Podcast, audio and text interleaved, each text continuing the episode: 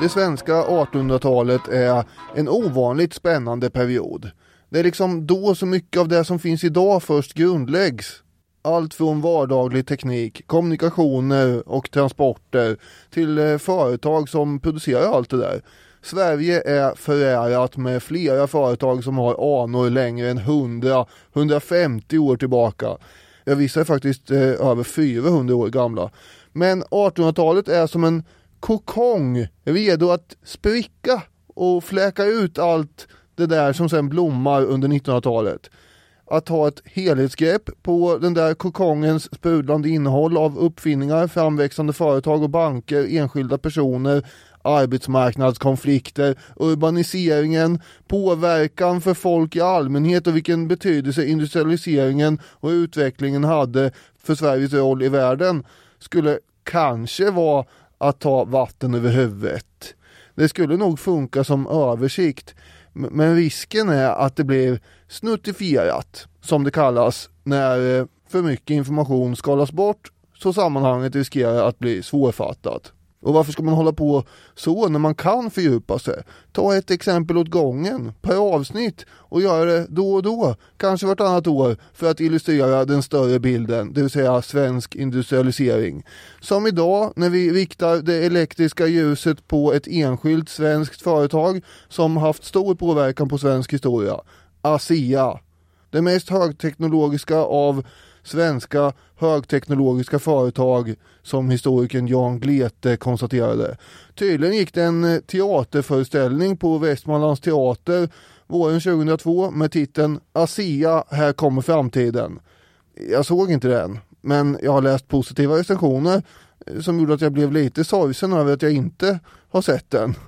Föreställningen pågick i alla fall i tre timmar i ett försök att skildra cirka 140 års historia vilket någon recensent tyckte var alldeles för kort. Se där, även fördjupningar kan snuttifieras. Alltså är det lika bra att säga att det här inte heller blir en heltäckande beskrivning över ASEAs verksamhet sedan 1880-talet. Vi kommer nog inte ens hålla på i tre timmar. Däremot blir det nog just rätt mycket inblick i den där kokongen på 1800-talet. Ni får ta det som det blir. Nu tänder vi igång energin precis som man hade gjort på ASEA.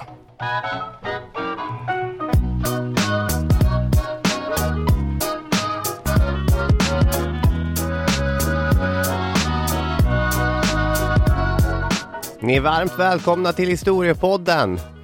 Oväntat eh, biologiskt bildspråk där med kokonger som ska spricka och så. När vi rör oss från naturen och in i tekniken denna vecka.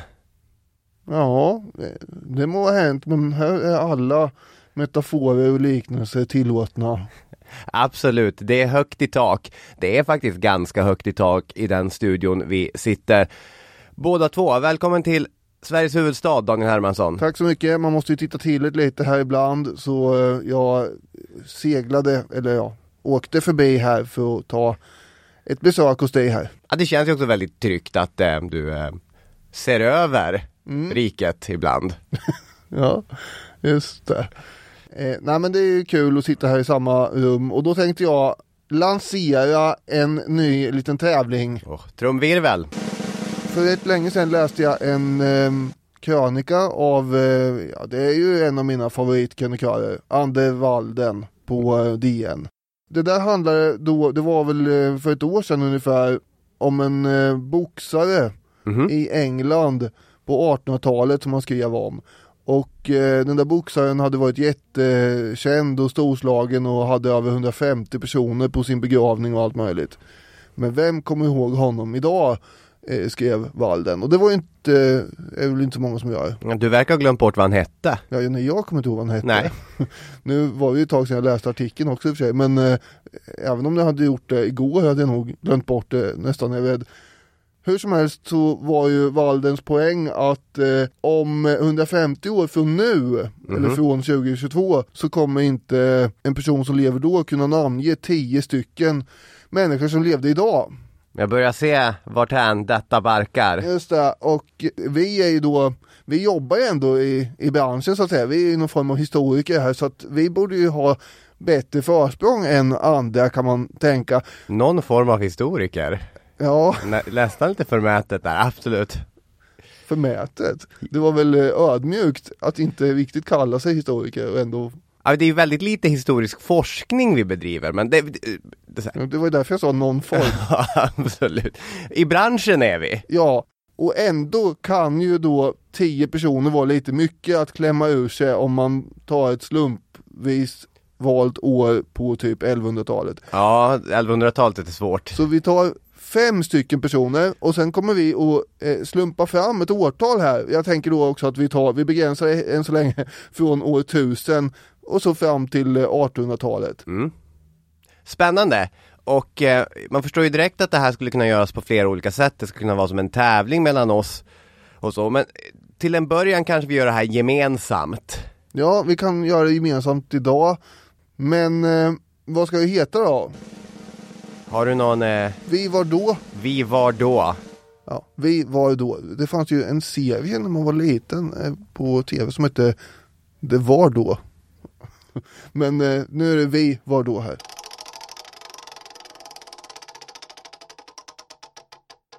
–1548 är årtalet som gäller. Mm. Vi får ju dubbelkolla då sen med Wikipedia här också om vi får ihop fem stycken. Om det är någon som vi säger som har varit död eh, 1548, då, eller inte född sen kanske till och med, då, då räknas det inte. Då har vi misslyckats. Ja.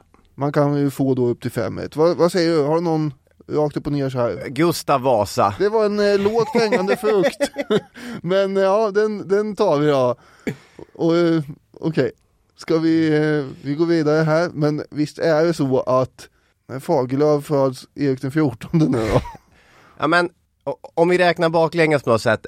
Gustav Vasa dör på 1560-talet va? Ja, exakt 1560. Ja, precis. Och då eh, har vi ju bra odds på många av sönerna att de ska vara i livet 1548 alltså. Ja, ja verkligen. Ska vi dra till med Erik den 14? Det känns ju som att han, jag tror att han är född då. Ja, jag, jag har uppe, jag kan kolla om du vill. Ja. Då har vi två. Vi håller oss i Vasa ätten. Det finns ju fler människor på 1500-talet. Men det är ju Henrik den åttonde, har han stämplat ut den? Det har han väl inte? Så du säger, vi säger Henrik den åttonde? Ja, det är mycket kungligheter här nu. Grejen är, får man återanvända folk här sen om vi typ skulle få 1530 nästa gång? Det är lite vi, vilket var året? 1548? Ja. Nej, säg nu inte att... Vi åker! Död 28 januari 1547. Fan!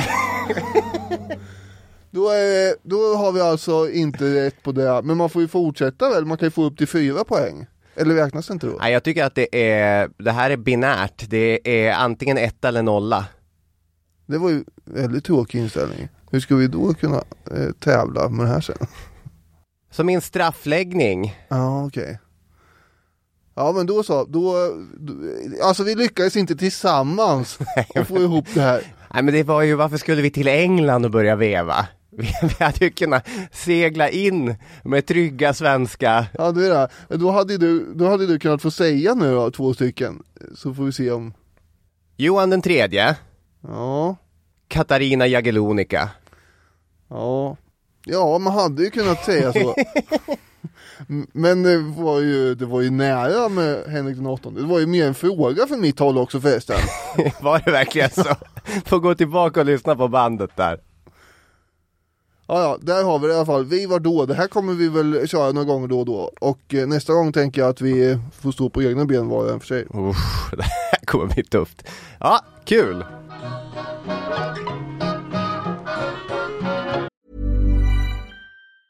Planning for your next trip? Elevate your travel style with Quince. Quince has all the jet setting essentials you'll want for your next getaway. Like European linen, premium luggage options, buttery soft Italian leather bags, and so much more and is all priced at 50 to 80% less than similar brands.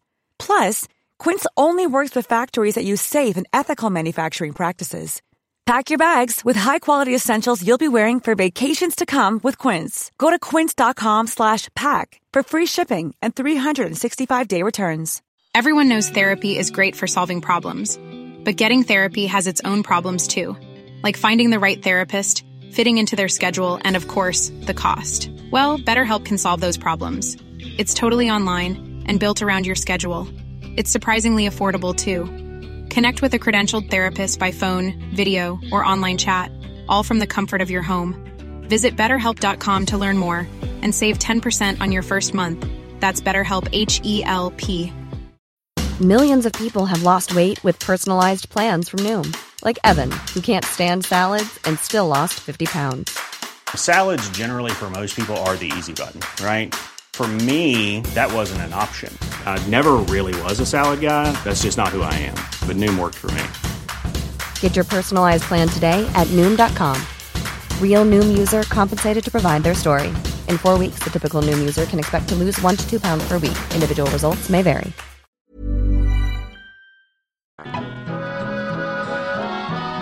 Okej, vi ska börja med lite bakgrund här. Jag gillar att lära mig nya begrepp som hjälper en att förstå eller kanske snarare att organisera tankarna kring olika koncept. Du skickade ju ett kapitel ur Gunnar Wetterberg, känd från På spåret, eh, hans bok Ingenjörerna, där han nämner General Purpose Technologies. Teknologiska framsteg, säg ångmaskinen, datorn eller domesticerandet av djur, de är så inflytelserika att de påverkar nästan, om inte till och med hela ekonomin. Men de är i sig vaga. De är möjliga svar på frågor och problem.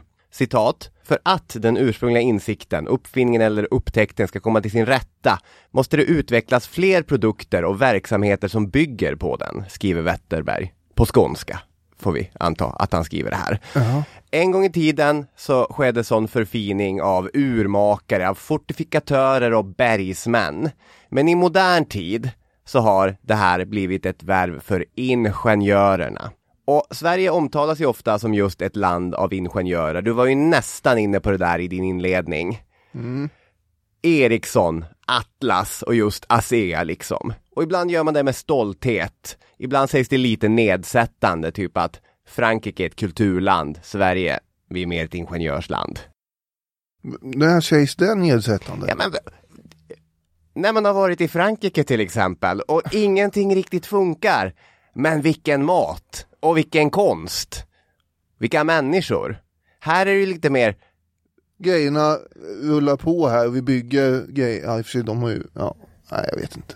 Am, vi kanske inte har lika framstående matkultur, litteratur, men bara en sån sak som att vi sätter varmvattenblandare så man slipper ha två olika kranar att hålla på och vrida på, som det är i England. Varmvatten i en och kallvatten i en. S- England är inget ingenjörsland. Och inte heller ett kulturland. Fast de har mycket annat eh, bra. Ja vadå? Kolonialismland? Vad har de som är bra egentligen? Fotboll? Ja, Det är knappt. Ja, Kantboll på det. ja, ja, de har ju Fesljumnarost. Mackor med sylt. ett och annat bra popband har de ju skakat Det här är fram. ju högst subjektivt. Ja, nej men det har de. Det är Vi har Rolling Stones är objektivt ett bra band. I alla fall, i Wetterbergs bok finns också ett intressant referat av en annan historiker, Svante Lindqvist, om just det vi ska prata om, elektroteknik. Nu blir jag lite seriös här igen. Det resonemanget går ut på att relationen mellan å ena sidan teknik och tekniker och å andra sidan naturvetenskap och naturvetare har varit sådant att historiskt så var det tekniken som inspirerade naturvetenskapen. Alltså de verktyg och den kunskap som användes praktiskt av teknikerna plockades sen in i labbet och gav nya naturvetenskapliga insikter. Men under 1700-talet började det där förändras. Då började verktygen från naturvetarnas labb leta sig ut i teknikernas verklighet istället. Och den här tekniken kommer liksom fullt att blomma ut om vi ska fortsätta med, med det bildspråket under 1800-talet. Wetterberg skriver då börjar naturvetenskapliga upptäckter för första gången leda till ny teknik. Elektrotekniken var ett exempel. Den kemiska industrin ett annat. Ja, om man får konkretisera lite Mhm. så eh, genom en person till exempel så har vi ju Luigi Galvani som vi har pratat om tidigare. Eh, jag kommer dock inte riktigt ihåg vilket avsnitt. Italienare på 1700-talet som höll på att experimentera med döda grodors muskelreaktioner i kontakt med metaller och sånt där. Han var ju mycket fascinerad över att benen rörde på sig trots att de var döda. Och eh, kollegor sen då till Galvani under 1700-talet dyker ju upp då som Alessandro Volta och Benjamin Franklin. Det här är ju naturvetenskapligt intresserade människor. Just det. Som teoretiskt börjar förstå och beskriva det som vi kallar elektricitetslära. Och det är då en sån general purpose technology. Ett öppet fält för uppfinnare och ingenjörer att eh, praktiskt omsätta. Precis. På 1830-talet så etablerar Michael Faraday den moderna elektricitetsläran. Mm? Han är väl ändå britt för övrigt? Jo, det är han. Ja, just det. Så att det, det här kategori, det var inte så, Men han är ju naturvetare, han är inte ingenjör. nej, okej, just det. Sant. Han har också dykt upp i något avsnitt, vilket jag inte kommer på vilket, men eh, om någon vill organisera och katalogisera upp sånt här så är man ju varmt välkommen att försöka eftersom eh, ofta frågar ju folk så bara, "Ja, eh, när var ni pratade om den här figuren och, och när jag pratade om den här händelsen kommer det mejl om. Och Vi borde börja ta in praktikanter. kanske att någon kunde, för hur man nu ska ta reda på det här, det är så jäkla uppmaning att komma med. Ja, men hur som helst. Det här kommer ju då generera elektriska telegrafer, telefoner, försök till belysning och en massa saker. Det här som Faraday organiserade. Till exempel då generatorer, så kallade dynamos, blev ju praktiskt användbara på 1870-talet. Och en generator förvandlade då mekanisk energi till elektrisk kan man säga. Under 1800-talets andra halva så användes ju länge ångmaskiner som kunde då driva en generator som sen gav elektricitet. Allt det här ger ju då ljus åt en mörk värld kan man säga och att eh, maskiner kan drivas på ett eh, mycket effektivare sätt. Den association med Dynamo som ligger närmast den, förutom eh, alla eh, gamla sovjetiska idrottsföreningar och så. Men det är ju de här som eh, satt på gamla cyklar som man klickade dit så att de låg mot cykelhjulet och snurrade och tände cykellyset. Just det. Det är ett Dynamo. Där, där har vi det i omsättning. Om vi är klara med den så att säga översiktliga biten så kan vi börja prata om eh, sågverksstrejken i Sundsvall 1878 till 79. Och den ska vi inte prata om så länge förutom att vi konstaterar att det blev ringar på vattnet här vilket påverkar bankverksamhet och så vidare. Men du vill inte prata om den frikyrkliga kopplingen till sågverksstrejken? Jag vill egentligen inte prata om sågverksstrejken alls just nu. Nej. Utan det kan vi göra någon annan gång. Ja. Men eh, det fanns en bankägare och varvsägare som hette Ludvig Fredholm som eh, så att säga blev påverkad av den där strejken i alla fall. Han var tvungen att leta efter andra projekt att investera i när de höll på att strejka där och det inte hände något. Så han eh, reste till England och Tyskland under början på 1880-talet och inspekterade där hur det här med gas och elbelysning funkar och så och blev väldigt imponerad. Elbelysning det är framtiden tänkte han. Den, den här framtiden den ska vi ta med till Sverige. Och i september 1881 så ordnar Fredholm så att stockholmarna får en försmak av belysning. På Gustav Adolfs torg, Norrbro och Mynttorget så eh, tänder man upp eh, lampor och grejer med elektricitet. Utrustningen har han köpt av ett brittiskt företag, apropå Alltså de har ju tydligen haft någon form av eh, ingenjörskunnande ändå. Eh, Anglo American Brush hette företaget, så det Ja. fanns ju någon form av amerikan med det här också. Ja. Ja, det är kanske det som förklarar då. Att de kunde få till det här. Jag tänker inte erkänna Storbritannien som ett ingenjörsland Nej, okej. över min döda kropp. Den som skötte tekniken var ju heller inte britt eh, här då, utan det var ju civilingenjören Göran Wenström som hade hand om den här provbelysningen. Exakt, grosshandlare Frenholm var ju ingen tekniker, den eh, kompetensen behövde han ju ta in. Mm, han var ju dock eh, intresserad av sånt här. Och, och nu har vi då presenterat den första vänströmmaren här. Ja.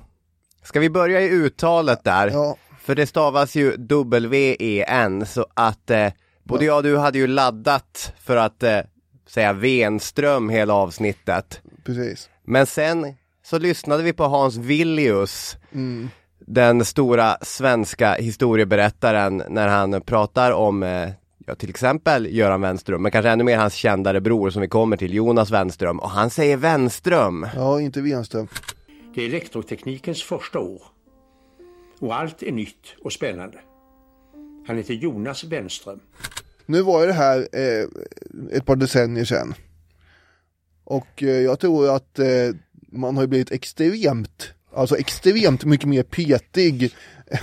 och folk är mycket känsliga nu för tiden för uttal. Så jag tror att han... Jag tror inte, tror du det? Jag tror bara att det är lättare att höra av sig till den. Alltså, Ja, ska du vara. Rätta Hans Villius så får du plocka fram papper och penna och skriva ett brev till SVT och så det- ska någon sekreterare sitta och gå igenom det där och skicka det vidare till Hans Villius. Det låter jobbigt. där. Ja, Det orkade folk inte göra menar du? nej. Så du tror att folk satt och kokade i stugorna över att han eventuellt uttalade något fel någon gång? Ja, kanske sa Hans Villius Nicaragua. Det är möjligt. Ja, där fick du ju skit. Men det kanske du skulle ha också om vi ska vara ärliga.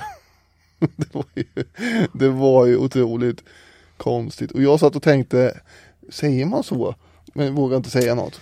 Ja, så att eh, vi säger Wenström, källa Hans Villius. Så, så gör vi. Och så går vi vidare till hans pappa för att förklara hur han hamnade i eh, elektroteknikens bransch, alltså Göran. Görans pappa hette Wilhelm Wenström, också ingenjör. Jobbade med vattenturbiner, valsverk, industriugnar med mera. Kände ju John Ericsson också i USA. Ja, han hade ett slags svenskt kontrakt för eh, John Ericssons produkter. Och på 1870-talet så hade han en ingenjörsbyrå i Örebro. Och hans två söner då är ju också tekniskt och särskilt elektriskt inriktade. Ja, de får ju skolning och en slags riktning in i det här yrket. Det är studenten i Örebro och sen är det studier antingen vid KTH eller i Uppsala eller så. Så att eh, det är ju en slags eh, det var ju många som var intresserade av den här nya spännande elektrotekniken. Men bröderna Göran och Jonas är ju begåvade men föds också in i rätt familj för det. Ja, verkligen. Jonas är då den äldre brodern. Det var en skör karaktär där rent fysiskt. Mm, som barn drabbades han av engelska sjukan. D-vitaminbrist tror jag det beror på. Vilket innebar att hans överkropp var missbildad och eh, att hans allmänna hälsotillstånd var vacklande. Ja, skelettet blir väldigt mjukt. Mm, just det. Man ser ju på bilderna att han är, ganska skör. Mm. Hans medarbetare Axel Welin som eh, spelar en rätt stor roll sen vid ett tillfälle som vi kommer till har ju beskrivit Jonas Wenström så här. Hans själ var nog sund i alla avseenden trots hans bräckliga kroppshydda. Hans huvud var vad tankeskärpan angår så mycket kraftigare utvecklad. I religiöst och politiskt avseende frisinnad i ordets bästa bemärkelse. I umgänget var han vänlig och skämtsam. Just det. Jag har ju haft eh, ganska många teknikelever på gymnasiet. Det har varit eh, ett program som jag har jobbat mycket på de senaste åren. Och jag ser Jonas Wenström som en typisk representant för eh, subkulturen tekniker. Han var ju nämligen inte alls intresserad av att läsa latin. Nej, Och när han på 1870-talet gick då på universitetet, jag tror han var i Uppsala, då var ju latin obligatoriskt för att få ut en fil. kand-examen. ja, Och jag har inte blivit helt klok på om det är för att slippa latinet eller om det är för att hans syster redan fanns på plats i Oslo, Christiania på den tiden. Men Jonas Wenström åker ju dit för att eh, ta ex... ja slippa latinet. Ja, exakt. Så i den västra delen av personalunionen Sverige-Norge så går han ut eh, universitetet. Det, det... Så kom han undan latinet. Det tolkar jag väldigt mycket som att det är därför. Var det i Jonas Wenströms motvilja till att läsa latin som vi tidigast kan spåra den svenska kulturskymningen? Engelska är mycket mer praktiskt, hör vi honom säga. Ja, Jonas, så är det ju. Det är klart engelska är mycket mer praktiskt. Men måste allt vara praktiskt? Du kunde väl ha läst latin? Nej men du, vänta här. Det här är ju helt otroligt. Det är ju sådana här krav. Tänk om det här kravet hade funnits även i eh, Christiania. Mhm. Då kanske vi hade gått miste om Jonas Wenström. För att han inte hade fått den här examen och den här utbildningen som man behövde ha och gå vidare. Sådana här dumma byråkratiska krav som att man måste ha läst någonting som man egentligen inte behöver för att sen gå vidare. Då hade ju Sverige fortfarande levt i ett mörker. Men vi kanske hade varit ett kulturland då? Där man fortfarande pratade om eh, antik historia i skolan? Nej, jag köper inte det här riktigt alls det. Eh, för det första, vi behöver ju lysas upp mer än Frankrike för vi lever mer norrut. Ja, Eh, Så att vi är beroende av elektricitet, eh, kanske om man är i Frankrike med väldigt mycket förstås, men jag menar här blir det väldigt mörkt och kallt. Ja men det, det här är ju typ, alltså det är jätte, Jonas Wenström är ju ett geni som vi kommer komma till och så, men det här är ju typiskt svenskt studentgnäll. Vad ska jag med det här till? Skolan borde vara mer praktisk. Allt kan inte vara praktiskt hela tiden. Nej, nej men jag, Bit ihop och läs ditt latin.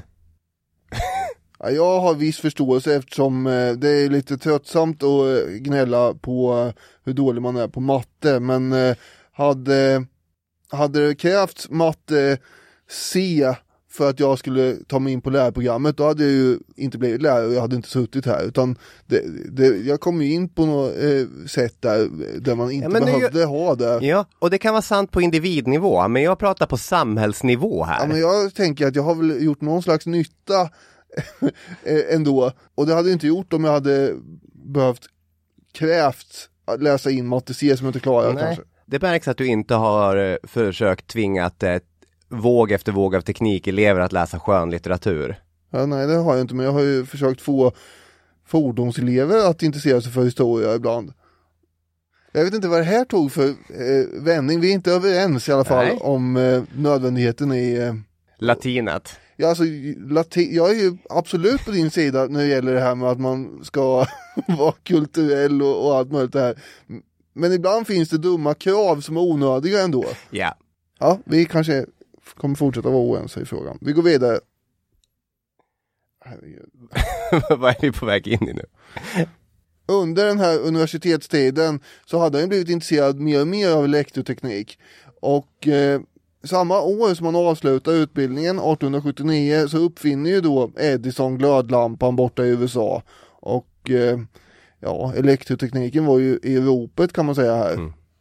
Vi gjorde ju ett eh, gammalt biografiavsnitt om legenden Nikola Tesla i den här podden. Det är ett antal år sedan och eh, då pratade vi om hans fade med den mycket mer framgångsrika Thomas Alva Edison. Det är ju närmast en perfekt historisk berättelse där, där vi får det här nya och spännande fältet elektroteknik och där vi har två konkurrerande idéer. Edison, han hade ju en preferens för likström och Tesla hade en preferens för växelström. Och vi har vinnaren i den där fejden, den cyniske och eh, durkdrivne Thomas Edison och vi har förloraren, den excentriske och idealistiske Tesla. Att Edison också är den perfekta symbolen för den amerikanska drömmen genom sin enkla bakgrund, att han, han kommer från relativ fattigdom men blir en av USAs och världens mest kända och framgångsrika män gör ju bara helheten ännu mer tilltalande.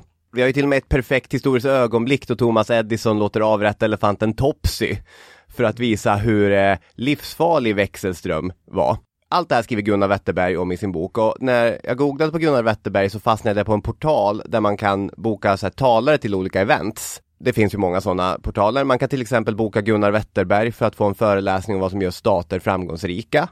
Den är man ändå lite sugen på. Kanske någonting för historiepoddens eh, nästa kickoff. Vi får se.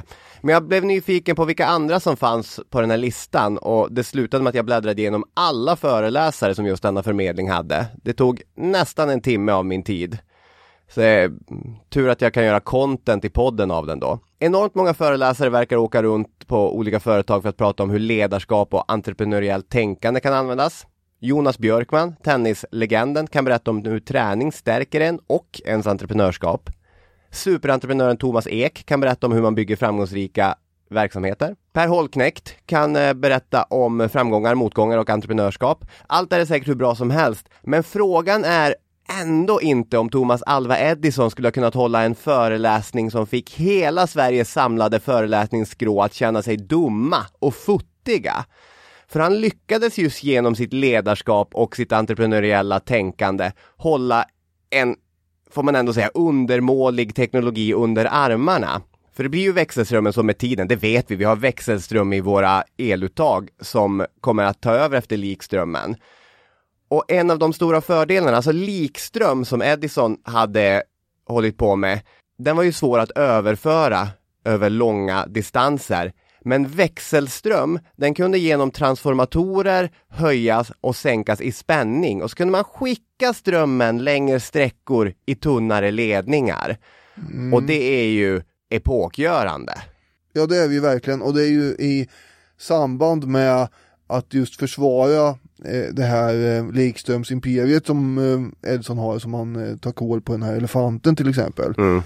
Och det här kanske vi återkommer till någon gång. Det har ju beskrivits i romaner och fackböcker och i en massa olika sammanhang. Tv-serier och filmer. Ja, eh, och i film, ja, filmen då till exempel The Current War från 2019 där växelströmsutmanaren heter George Westinghouse och Edison försöker då övertyga världen om att den här växelströmmen är livsfarlig och eh, det är också då han lanserar elektriska stolen för att bevisa sin poäng. Mm. Och Edison har ju en poäng.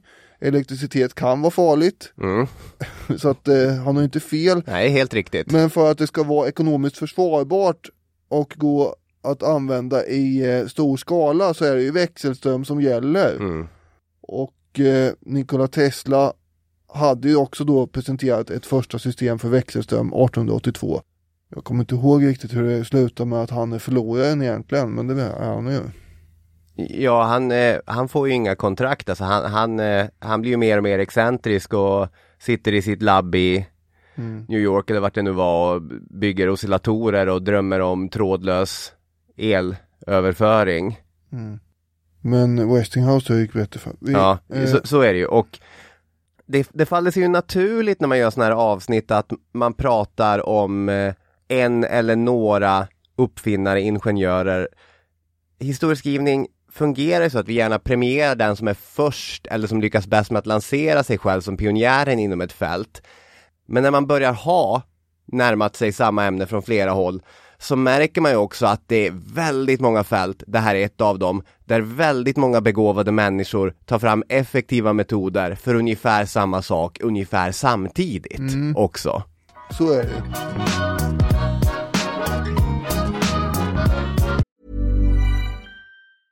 Burrow is a furniture company known for timeless design and thoughtful construction and free shipping, and that extends to their outdoor collection.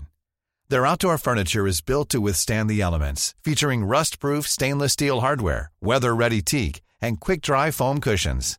For Memorial Day, get 15% off your Burrow purchase at burrow.com slash ACAST and up to 25% off outdoor. That's up to 25% off outdoor furniture at burrow.com slash ACAST. Everyone knows therapy is great for solving problems, but getting therapy has its own problems too, like finding the right therapist, fitting into their schedule, and of course, the cost. Well, BetterHelp can solve those problems. It's totally online and built around your schedule. It's surprisingly affordable too. Connect with a credentialed therapist by phone, video, or online chat, all from the comfort of your home. Visit betterhelp.com to learn more and save 10% on your first month. That's BetterHelp H E L P. Millions of people have lost weight with personalized plans from Noom, like Evan, who can't stand salads and still lost 50 pounds. Salads, generally, for most people, are the easy button, right? For me, that wasn't an option. I never really was a salad guy. That's just not who I am. But Noom worked for me. Get your personalized plan today at Noom.com. Real Noom user compensated to provide their story. In four weeks, the typical Noom user can expect to lose one to two pounds per week. Individual results may vary.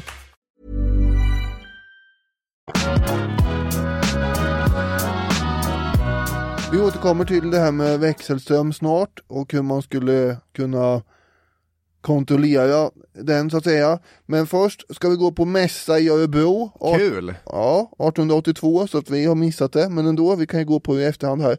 Där presenterar då Göran Wenström sin brorsa Jonas Wenström för Ludvig Fredholm. Och Jonas han har ritningar och grejer på en generator som han har jobbat med som kallas för Sköldpaddan. Ser ut som en sköldpadda. Det är därför den kallas det. Och om han får den att fungera så ska de börja diskutera ett samarbete bestämmer de. Just det. Fredholm hade ju som den affärsman han var insett att även om han fick köpa rättigheterna av Anglo American Börs till deras likströmssystem i Sverige så skulle det ju vara mer lönsamt att använda något som en svensk uppfinnare precis har tagit fram här. Och Jonas han har ju arbetat på den här sköldpaddegeneratorn som skulle då klara eh, situationen i fabriksmiljö tänkte han. Och den var ju sällan enkel och optimal fabriksmiljön alltså. Så det händer ju grejer där. Det är, man hör inte och det dunkar och slår och det är, ja det är ju större krav på att saker och ting funkar i en sån miljö. Den ska ju vara praktisk, applicerbar, inte bara fungera i en liksom ordnad labbmiljö. Ja, just det. Och därför pysslar han då med sina experiment i en kvarn utanför Örebro med hjälp av den här verkstadsarbetaren Axel Relin. Och de försöker då åstadkomma elektriskt ljus med glödlampor i den här mörka kvarnen och eh, det har de hållit på med rätt länge och den här kvarnägaren börjar tröttna.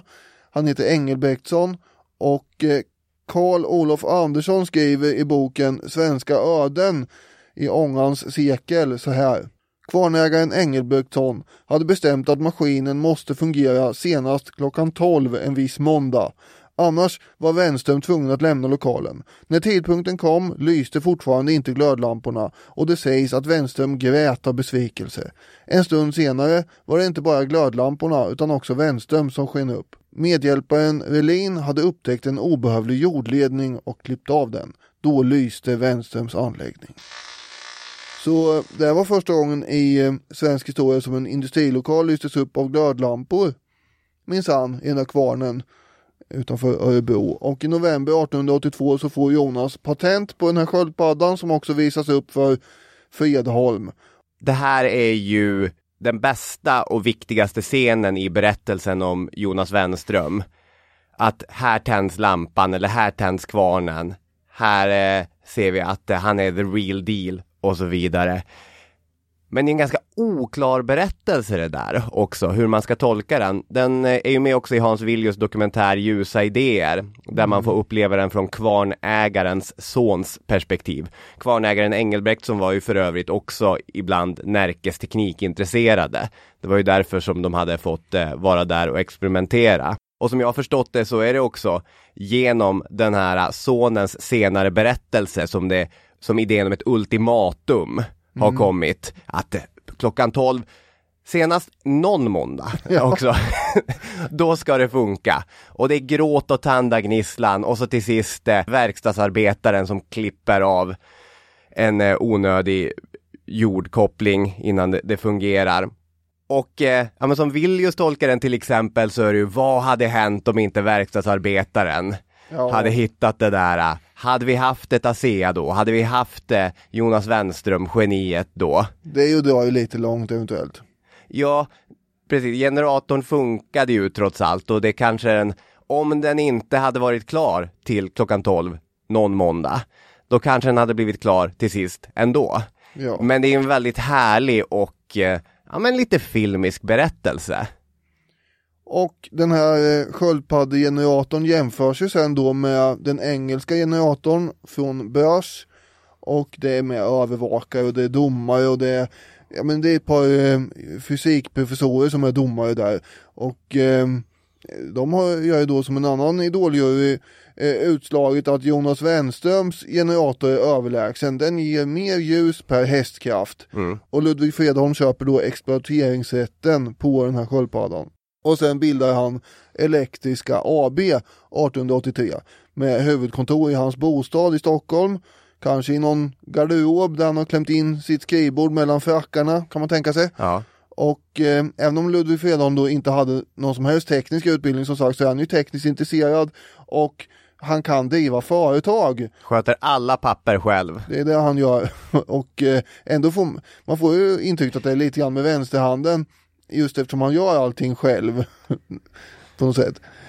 Eh, fast just därför också väldigt eh, mycket med fokus kanske, jag vet inte. Men, men han har ju andra bollar i luften också. Ja. Och han skulle kunna ha anställt folk till det här för han har ingen fattiglapp. Nej. Elektriska AB ska ägna sig åt att tillverka och installera konstruktioner för elbelysning. Just det. Men själva tillverkningen kan man ju inte ha i Fredholms garderob utan den hamnar i Arboga med Göran Wenström som chef. Och Jonas blir teknisk rådgivare. Ganska snabbt så visar det sig att bröderna Wenström, de när större drömmar än att bara ljussätta Sverige. Ljus var ju en möjlighet för elektricitet, men det fanns ju många andra. Medan eh, VD Fredholm, han var väl mindre övertygad om detta. Han tyckte att vi har ett fungerande koncept och ett nytt företag. Vi driver det så. De kommer ju komma till en slags kompromisslösning att ett nytt bolag grundades men som fortsatt delade verkstadslokaler i Arboga med Elektriska AB. Det är då Wenströms och Granströms Elektriska Kraftbolag. Detta är 1889. Wenströmmet är då broder Göran Wenström och Granströmmet är Gustav Granström som var disponent vid Norbergs gruvor i gruvorten i Västmanland. Mm. Du sa det att de delade lokal med Arboga Mekaniska Verkstad. Ja. Det är en ganska stor industri på den här tiden, AMV. Mhm. Och eh, de eh, får ju då hålla till på vinden till Arbogas Mekaniska Verkstad. Eh, och det är en rolig tanke då att eh, världsledande ASEA har suttit och tryckt på vinden till en eh, numera sedan 80-talet, 1980-talet nedlagd industri i Arboga. Just det. Det här nya företaget skulle då syssla med kraftöverföringar samt eh, tillverkning, handel och installation av elektriska anläggningar som Anders Jonsson eh, i Svenska Industrisnillen sammanfattar det hela. Rätt idé i rätt tid, för det är ju mycket i Sverige. Det är sågverk, det är järnbruk och det är allsköns olika industrier som är mycket villiga att investera i nya elektriska lösningar.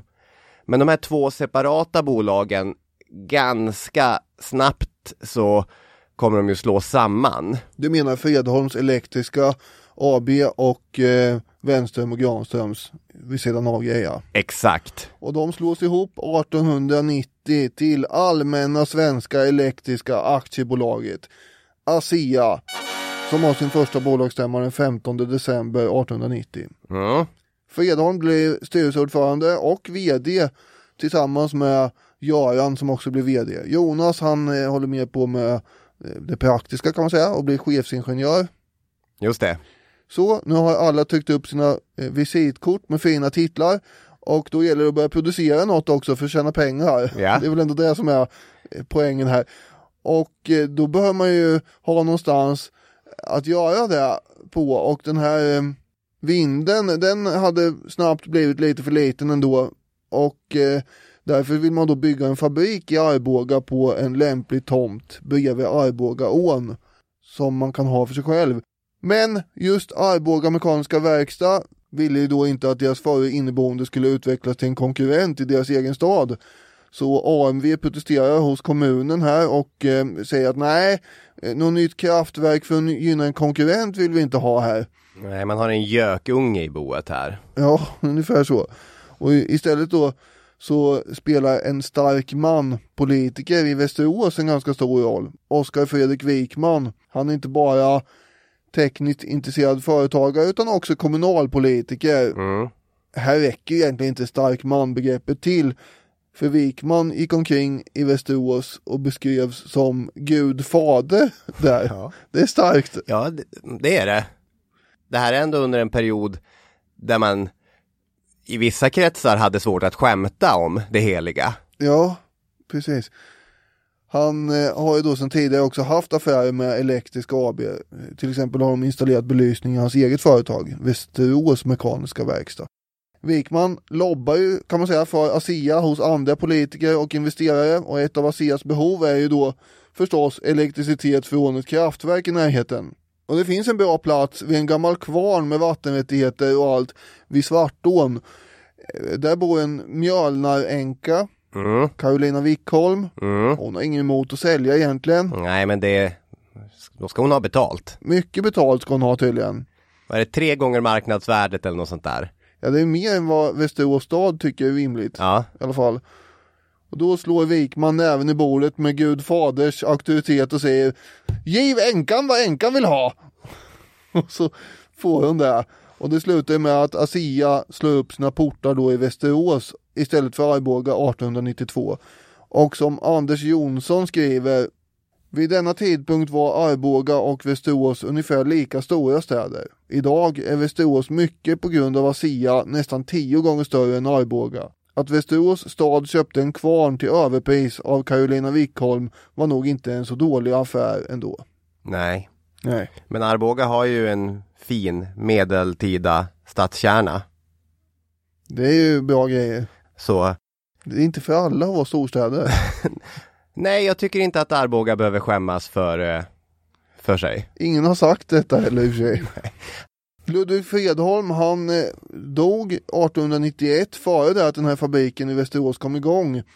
Men eh, flera år före det att han hade dött så hade ju ASEA bildats och han hade förhört sig lite grann hos Jonas Wenström om det där nya med växelström. Mm. Borde vi kanske köpa in ett sådant system utifrån hade han frågat Wenström. Men då hade Jonas sagt att han ville nog försöka konstruera ett eget sådant system. Och eh, bröderna Wenström hade ju då förstås länge arbetat med just likström som då inte gick att överföra på särskilt långa sträckor.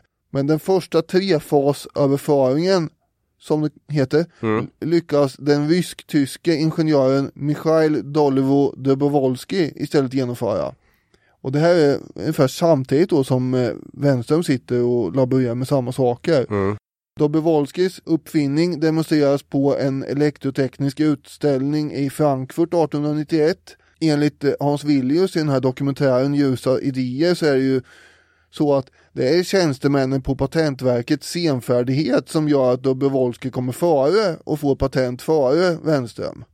Ja, Det är byråkratins, kvarnars, malandes fel här i Sverige. Så att även om vi är ett ingenjörsland så är man eh, snabbare i andra länder på att utfärda patent tydligen. ja, kanske det. Om man ska lita på Villius. Ja, men det är också två personer som kommer fram till ungefär samma sak ungefär samtidigt. Ja, så är det ju. Men Wenström har ju då lyckats konstruera en så omfattande och ändå avvikande generator att han också får ett patent 1891. För Wenströms trefasgenerator är ett system för både generatorer, transformatorer och motorer. Så komplett var inget annat system. Det fanns ett problem bara med Wenströms eh, uppfinning här och det var ju motorn då som det var lite trubbel med men det lyckades lösas av en annan ingenjör på ASEA som heter Ernst Danielsson. Angående Wenströms trefasuppfinning så skriver Wetterberg så här. Med det nya systemet levererade generatorn trefas växelström med låg spänning som drogs upp till hög spänning av en transformator innan den gick ut på kraftlinjen. När strömmen kom fram transformerade mottagaren ned den och använde den i sin verksamhet. Fördelen var dels att mycket mindre ström gick till spillo vid överföringen, dels att man kunde föra över ström över långa avstånd. Så man kunde alltså påverka eh, spänningen kan man säga med hjälp av de här transformatorerna. Och den behövde ju vara hög då när man transporterade strömmen och sen behövde man sänka den när den skulle användas och så om jag fattar det hela rätt. Och det här kunde den här trefasgeneratorn göra då. Mm. Och det här är ju fortfarande det helt dominerande systemet. Bra gjort Jonas Wenström! Ja, hatten av. Trots att han inte kunde latin så kunde han alltså genomföra det här. Absolut. Absolut. Eh, och i december 1893 så är det då pompa och ståt invigning på en 13 kilometer lång ledning från ett vattenkraftverk i Hällsjön till gruvorna i Grängesberg. Tidigare så hade ju gruvan genom ett avancerat system som eh, involverade sju vattenhjul, 45 kilometer av kanaler, 7 kilometer stånggångar och 5 kilometer stålina kunnat räkna hem massiva 55 hästkrafter. Det här låter ju väldigt mycket meckande med för inte jättemycket hästkrafter. Nej, det är ju nog för att eh, driva en motor, så är det ju. Man kan eh, man kan göra ett och annat, men här har ju, det har ju blivit spill på vägen. Men med det här nya systemet som de bygger då, så får man 400 hästkrafter till förfogande. Ja, och eh, det här är första gången som Wenströms trefassystem provas i skarpt läge också. Mm. Emellertid så har ju då Jonas Wenström insjuknat i luftrörsinflammation några dagar tidigare. Mm. Och bara tre dagar efter den här invigningen så dör han, 38 år gammal. Ja, det är en liten bitterljuv eh, berättelse. Ja, verkligen. Han var ju som sagt bräcklig, men eh, han fick i alla fall höra talas om den här invigningen, hoppas jag. Ja.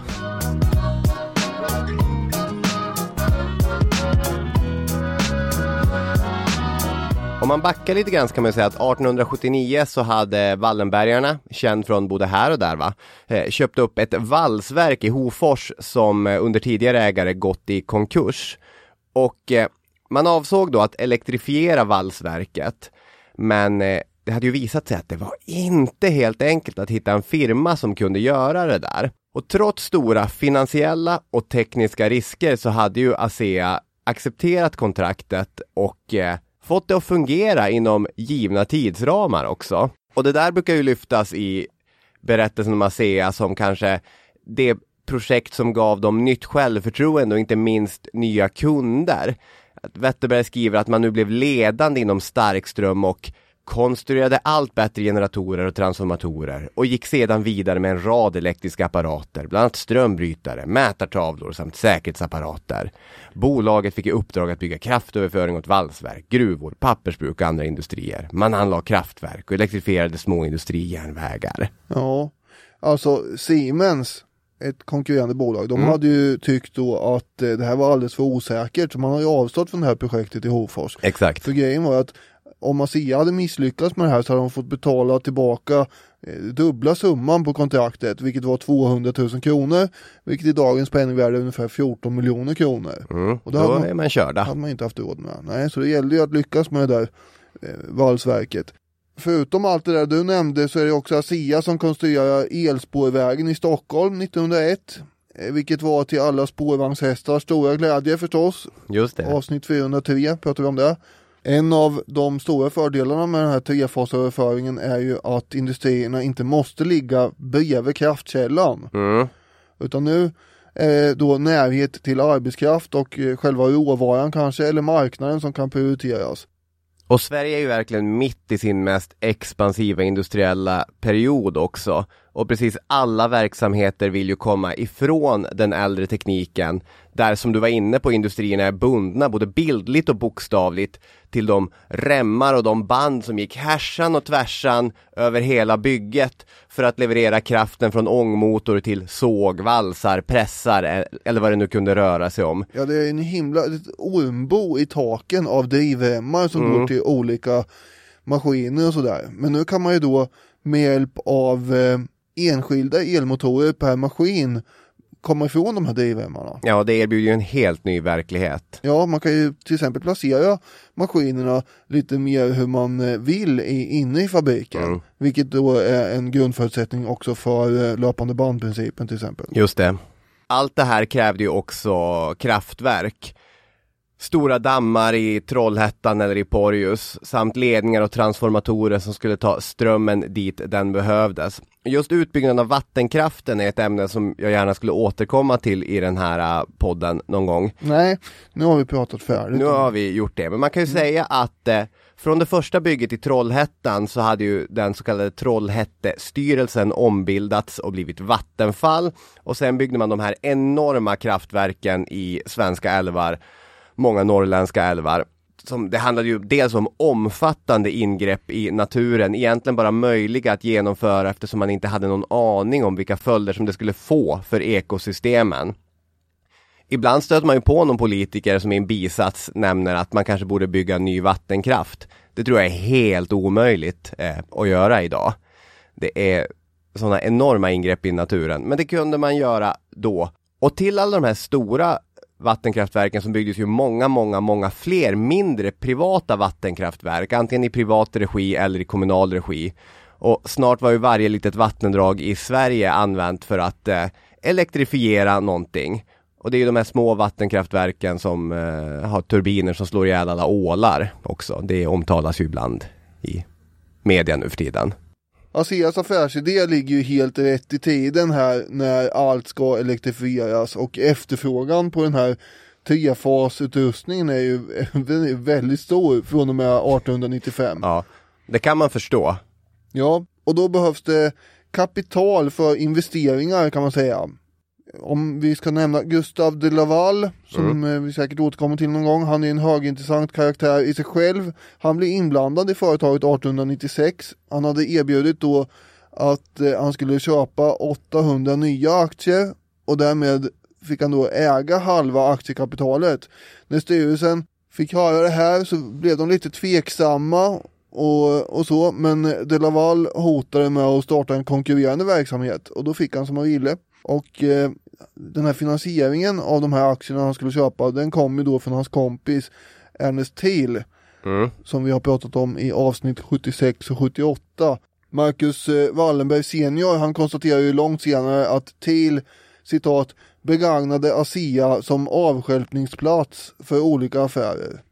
Sen kommer då krisen åren 1900 till 1903, vilket delvis beror på en omfattande lågkonjunktur och dels för att konkurrensen ökar och dels för att Gustav de Laval och TIL på sätt och vis är två cowboys Mm. som eh, man kanske skulle ha undvikit. Ja. Jag vet inte om du kan svara på det här, men jag har inte fått eh, klarhet i vad det är som TIL och, och De Laval gör som är så skadligt för bolaget. Annat än att det inte verkar vara så här eh, stringent och fokuserat drivet längre.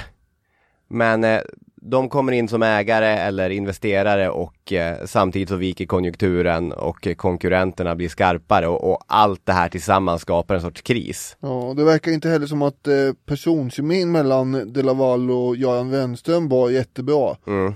Eller, de, de missförstod varandra och instruktioner och sånt där från De Laval var lite svajiga. Det var mycket som skavde verkar det som. Mhm.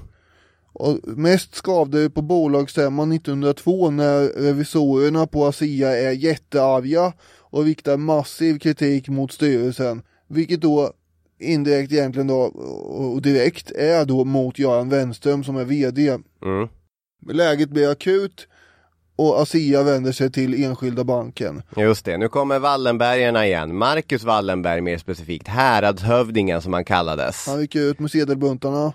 Ja, så är det och eh, under ett antal år så kommer man genomföra en rekonstruktion av bolaget. Nu har jag aldrig läst företagsekonomi eller något som drar åt det hållet men det är väl så att när ett företag närmar sig konkurs kan man ansöka om en rekonstruktion och att bolaget får chansen att eh, grundläggande förändras så att lönsamhet är möjlig. Göran Wenström avgår som VD 1903, även om han sitter kvar i styrelsen sju år till. Mm. Marcus Wallenberg är alltså den som räddar ASEA. Det här är ju då eh, som sagt senior, det är inte den Marcus Wallenberg som vi har eh, på 1900-talet sen som en, det här är också 1900-talet men i mitten på 1900-talet. Utan Det, det är hans eh, pappa det här gäller. Just det, hä- häradshövdingen. Mm, det kan man säga. Den Marcus Wallenberg placerar den 32 år gamle Sigfrid Edström på posten som VD för bolaget 1903. Mm. Edström hade studerat på Chalmers och i Zürich. Han hade jobbat för General Electric i USA. Han var gift med en amerikanska. Ja, Och hade någonting av det där amerikanska kapitalistiska draget över sig. ja det är väl en bra egenskap om man ska bli VD, för det är det han ska bli nu här. Ja, jobbade ohemult mycket och, och var Mm. duktig också. Men han säger ja till VD-posten på ASEA först när Wallenberg har sockrat kontraktet riktigt ordentligt och dessutom lovar att Enskilda banken ska stödja ASEA vid behov. Mm. Hur var personkemin mellan Edström och Wenström då? Ja, när Edström då kommer in på ASEAs huvudkontor så kunde han väl nästan känna en frostig vindpust välla fram mot ansiktet och, och kinderna där. Och, och den där frostiga vindpusten kommer ju då från kylan i blicken från Göran Wenström tänker jag mig. Mm. Som vägrar prata överhuvudtaget med den personen som ska ersätta honom på det bolag som han har varit med och grundat. Mm. Man har ju lite förståelse för Wenström här men det är ju inte, det är inte Edströms fel faktiskt att det har blivit som det har blivit. Nej. Göran lämnar ju bara nyckeln i handen på Edström och sen går han omgående ut från kontoret. Sigfrid Edström kommer ju fokusera på företagets övergripande situation. Han är en väldigt skicklig organisatör och låter andra ägna sig åt detaljerna helt enkelt. Han ersätter ju många tjänstemän med folk han litar på, bland annat från USA och Zürich och så. Och effektiviserar verksamheten, avvecklar olönsamma verksamheter. Just det, och ställer om den till att i större utsträckning eh, satsa på export. 1903 kunde man till exempel rikta sig till den stora och eh, nästan helt outnyttjade marknaden som var Ryssland. Och kontrakten i Ryssland blev en tidig språngbräda för att undvika konkursen. Sen eh, några år senare blev det svårare att göra affärer med Ryssland. Men här 1903 så var det en eh, riktigt lönsam marknad. Några år senare lyckas ju inte ens oljebolaget Esso göra affärer med, med Ryssland. Nej, då är Ryssland Sovjetunionen och eh, jobbar inte så mycket med fritt företagande. Tillsammans med Siemens så elektrifierar ju ASEA järnvägen från Kiruna till riksgränsen också mellan 1908 och 1915. Mm. 1908 förresten är ju året då Sigfrid Edström är 38 år gammal och chef för ett av landets största företag. Och flyttar in i en 16-rumsvilla bekostat av företaget. Tänk dig det, här, 1908 i tidningarna kan man i och för sig läsa om hur det går åt pipan för den belgiske kungen Leopold II angående kolonin i Kongo. Men det är ju fortfarande La Belle Époque och industrin rullar på. Du är industripamp. Jag tänker ofta på när jag och Jenny åt på Östgötakällan på Östgötagatan här i Stockholm. Ja, Och servitören klassisk restaurang. kallade mig för eh, direktören. jag mådde bra i flera dagar efter det där. och ibland när jag kommer att tänka på det senare också så får jag ett fånigt leende så här som nu ungefär. Ja, Jag lovar att överallt var Sigfrid Edström än gick så blev han kallad direktören. ja, Och så bodde han i den här 16-rumsvillan. just det.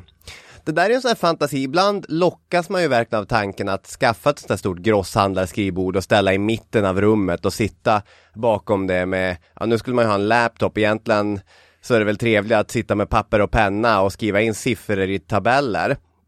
Men jag tänkte också på det där för något år sedan när jag läste Stephen Kings eh, självbiografi slash hans bok om skrivande, den heter väl Omskrivande tror jag. Där pratar han om det att hans fantasi hade alltid varit att ha ett här stort mörkt skrivbord som skulle stå i mitten av hans kontor. Men eh, när han väl skaffar det där och drar det i mitten av kontoret då är han som mest nere i sitt missbruk, dels av alkohol men framförallt av kokain. Och sitter bara där hög vid skrivbordet och går inte ner för att träffa fru och barn utan går bara helt upp i sig själv. Så när han nyktrar till då gör han sig av med skrivbordet och skaffar ett mindre skrivbord som han ställer i hörnet på kontoret. Vem var det här säger? Stephen King. Jaha, oj, jaha. Och ett av hans råd är ställ aldrig ett stort grosshandlarskrivbord i mitten av kontoret. Du är inte världens mittpunkt. Du är inte Sigfrid Edström. Nej, Jag tänker mig att han hade sån här eh, hatt också som Madickens pappa hade. Edström eller Stephen King? Edström. Ja, just det, absolut. Han blev ju kvar länge på ASEA som chef i 30 år mellan 1903 och 1933 och sen som styrelseordförande i 15 år till därefter. Jag hittade siffror på NE om att eh, 1903 då var omsättningen för ASEA 3,7 miljoner kronor och antalet anställda var 1100. Det är ganska många anställda ändå. 1933 då var ASEA en internationell storindustri med 154 miljoner kronor i omsättning och eh, över 10 000 människor anställda i 43 olika länder. Vid det laget hade man ju också börjat producera elektriska hushållsprodukter och småmotorer och sånt. Så det är inte bara tung industri då alltså. Nej. Jag har två andra intressanta fakta om eh, Ja Edström. men det har jag med. ja. Jag vet inte vilket som är viktigast. Vill du börja då? Ja.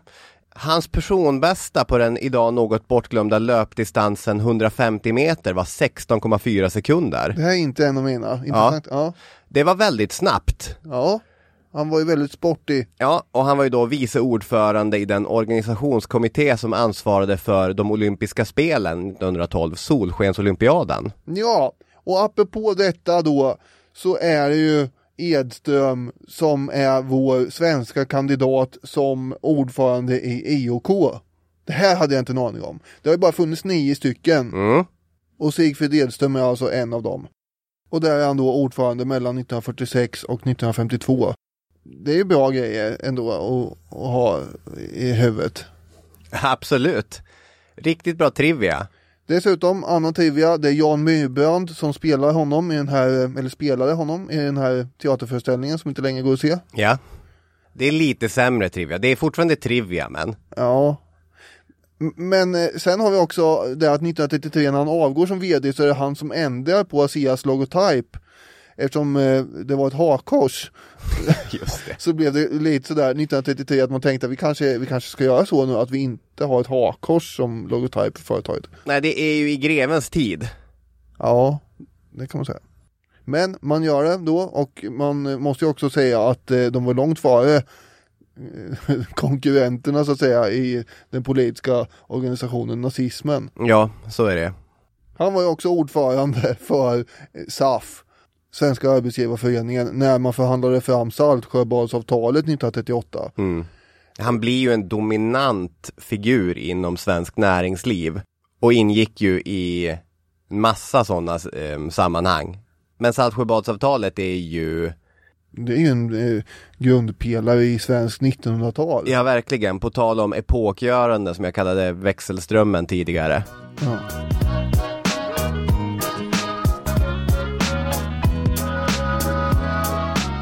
Efter andra världskriget så utökas då tillverkningskapaciteten en hel del. Man öppnar nya fabriker på massor med nya orter i landet med olika typer av produktion. Det är allt från generatorer och turbiner till fläktar, kablar och hissar på alla möjliga och omöjliga håll som Robertsfors, Gamleby, Bollnäs. Man har dotterbolag i Mariestad, Borås, Alingsås och Norrköping, ja har jag själv. Man är överallt. Sällan man hör Robertsfors och Norrköping nämnas i samma andetag. Ja, det är möjligt. Huvudverksamheten är ju då förstås i Västerås alltjämt. Mm. Vi ska inte nu i slutet av ett avsnitt som handlar om ett enskilt företag dra igenom hela den svenska kärnkraftshistorien. Nej, Men vi kommer inte runt det helt förstås. ASEA har ju stora intressen i den här frågan. Mm.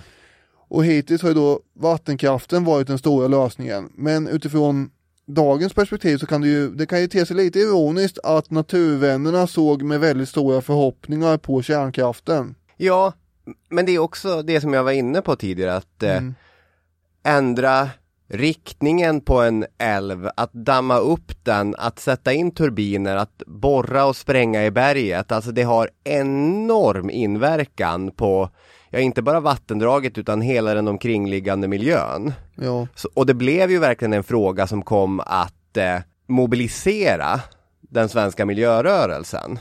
ja så har det. Och som du sa innan, i början av 1900-talet hade ju staten grundat det statliga och förstås, kraftbolaget Vattenfall.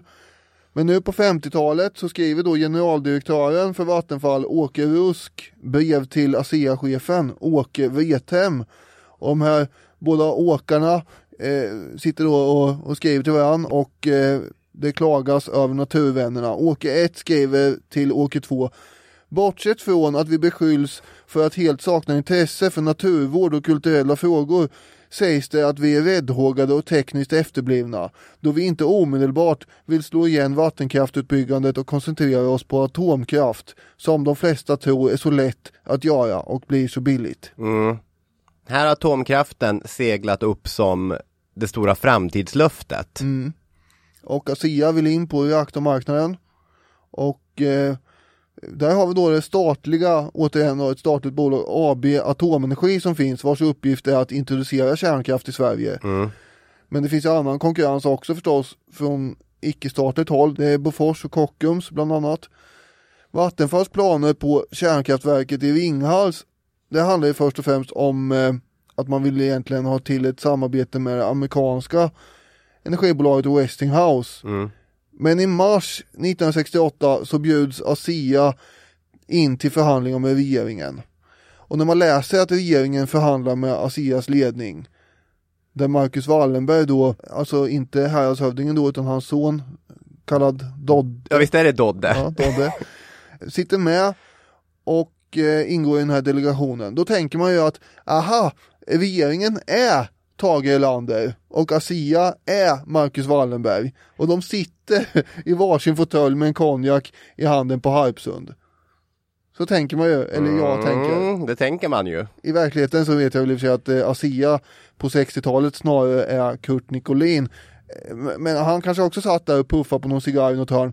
I avgörandets stund så är det nog ändå Wallenberg och Erlander som blir överens. Och förhandlingarna slutar med att ASEAs atomkraftavdelning slås ihop med AB Atomenergis konstruktions och kärnbränsleverksamhet kan man säga. Och, och då blir det ASEA Atom som har bildats. Och de levererar då en kokvattenreaktor till Ringhals 1. Westinghouse får leverera en tryckvattenreaktor till Ringhals 2 men det är det enda egentligen som ASEA Atom inte gör. För ASEA Atom är de som tillverkar sedan alla svenska kärnkraftsreaktorer utom den som Westinghouse gjorde i Ringhals. Det blir alltså 11 stycken totalt varav två är i och för sig till Finland men ändå. Det är ju, det är bra jobbat. Absolut. Och eh, helt i linje med vad det här har varit för bolag. Ja, det här gör att eh, Sverige blir land nummer tre efter USA och Sovjet som eh, har kapacitet att bygga helt egna kärnkraftreaktorer internt alltså inom landet. Det är också stort. Förhoppningarna dock på kärnkraften är ännu större och när pensionsutredningen 1955 föreslår en buffertfond inför framtida pensionsutbetalningar så är det ju då ganska intressant att man spekulerar kring att det här kanske inte behövs. Nej. I framtiden så har man ju då säkert outsinligt flöde av energi vilket då kommer göra att framtida generationer har mycket större möjligheter att försörja sina gamla än vad vi har nu för tiden. Ja. Ja, verkligen. Det, Vi, vi sitter ju i framtiden kan man säga. Ja, precis. Och där, det är ju, det är ju mer ett begränsat utbud av energi än eh, Mm. hur mycket energi som helst. Men man hade i alla fall framtidstro förr i tiden. Ja. Men det har man väl nu också, alltså när jag läste Ja, det här jo, i, jo, i Gunnar Wetterberg så känner man ju ändå igen det från, från det moderna samtalet om modulära reaktorer och tredje och fjärde och generationens kärnkraft och, och allt vad det heter. Kanske inte fullt så utopiskt som det här äh, beskrivs som, men, men också kärnkraften som en lösning. Mm. Det är framtiden, det kommer lösa allting. Jo, det är klart det finns framtidstro nu för tiden, det var inte så jag menade. Nej. sig. Det kom ju sen grus i det här eh, kärnkraftsmaskineriet kan man säga. I och med haveriet i Harrisburg 1979 och sen ännu värre i Tjernobyl 86. Men vid det laget då så har svenskarna redan fått rösta om kärnkraftens framtid med oklart resultat. Men man bestämde ju att på sikt skulle det avskaffas innan man bestämde att det inte skulle avskaffas. Mm, På då hade det blivit den förhärskande frågan i svensk politik. Mm. Hade fällt regeringar. Det, hade, det här gjorde ju då att forskning och framtidsutveckling kom av sig en del på grund av den här oklarheten. Och för säkerhets skull så formulerades alltså en lagparagraf 1987 som eh, låter så här. Ingen får utarbeta konstruktionsritningar, beräkna kostnader, beställa utrustning eller vidta andra sådana förberedande åtgärder i syfte att inom landet uppföra en kärnkraftsreaktor. Det här tolkas då som ett forskningsförbud. Och det, det kanske bara är jag, men hur ska man annars tolka det? alltså, återigen, ingen får utarbeta konstruktionsritningar, beräkna kostnader, beställa utrustning eller vidta andra sådana förberedande åtgärder i syfte att inom landet uppföra en kärnkraftsreaktor. Hur, det är ju ett forskningsförbud, egentligen. Man tog bort den här paragrafen 2006 med motiveringen att den hade ett felaktigt intryck Mhm. och hämmat forskningen. Och det hade nog gjort en del. Eh, Nu för tiden är det ju andra tongångar. Men eh, man hade faktiskt tagit fram en reaktor eh, från Asea-Atom ändå som kom 1990 tror jag, tio år efter den här. Men sen eh, har det varit väldigt stilla i branschen. 1988 slogs Asea ihop också med den tidigare konkurrenten Brown Boveri, eller hur det uttalas, från Schweiz Just det, ABB. heter det nu ja. Man har ju haft fullt upp med annat än att göra kärnkraftsreaktorer med förstås. Det är elektriska industrirobotar och allt möjligt som man har varit inblandad i. Men nu känns det som att vi har eh, glidit ur historien. Ja, gör vi. Precis. Och när den känslan infinner sig, då vet man att det är dags att säga tack så mycket för att ni har lyssnat på det här avsnittet av Historiepodden. Så är det. Eh, in och kommentera angående Vi var då, vad ni tycker om det och så. Just det. Och annat med förstås om ni vill. Ja, det På kan jag. Facebook. Ja. Eh, Jag och Daniel har kommit över vår tvist om latinet. Vi är vänner nu igen. Ja det är vi. Och vi har ju enats då i tanken på att England inte är ett ingenjörsland kanske. Nej, det är skönt med förbrödring i alla fall. På andras bekostnad. Exakt. Ja, tack för att ni har lyssnat. Tack så mycket, ha det fint. Hej hej. Hej!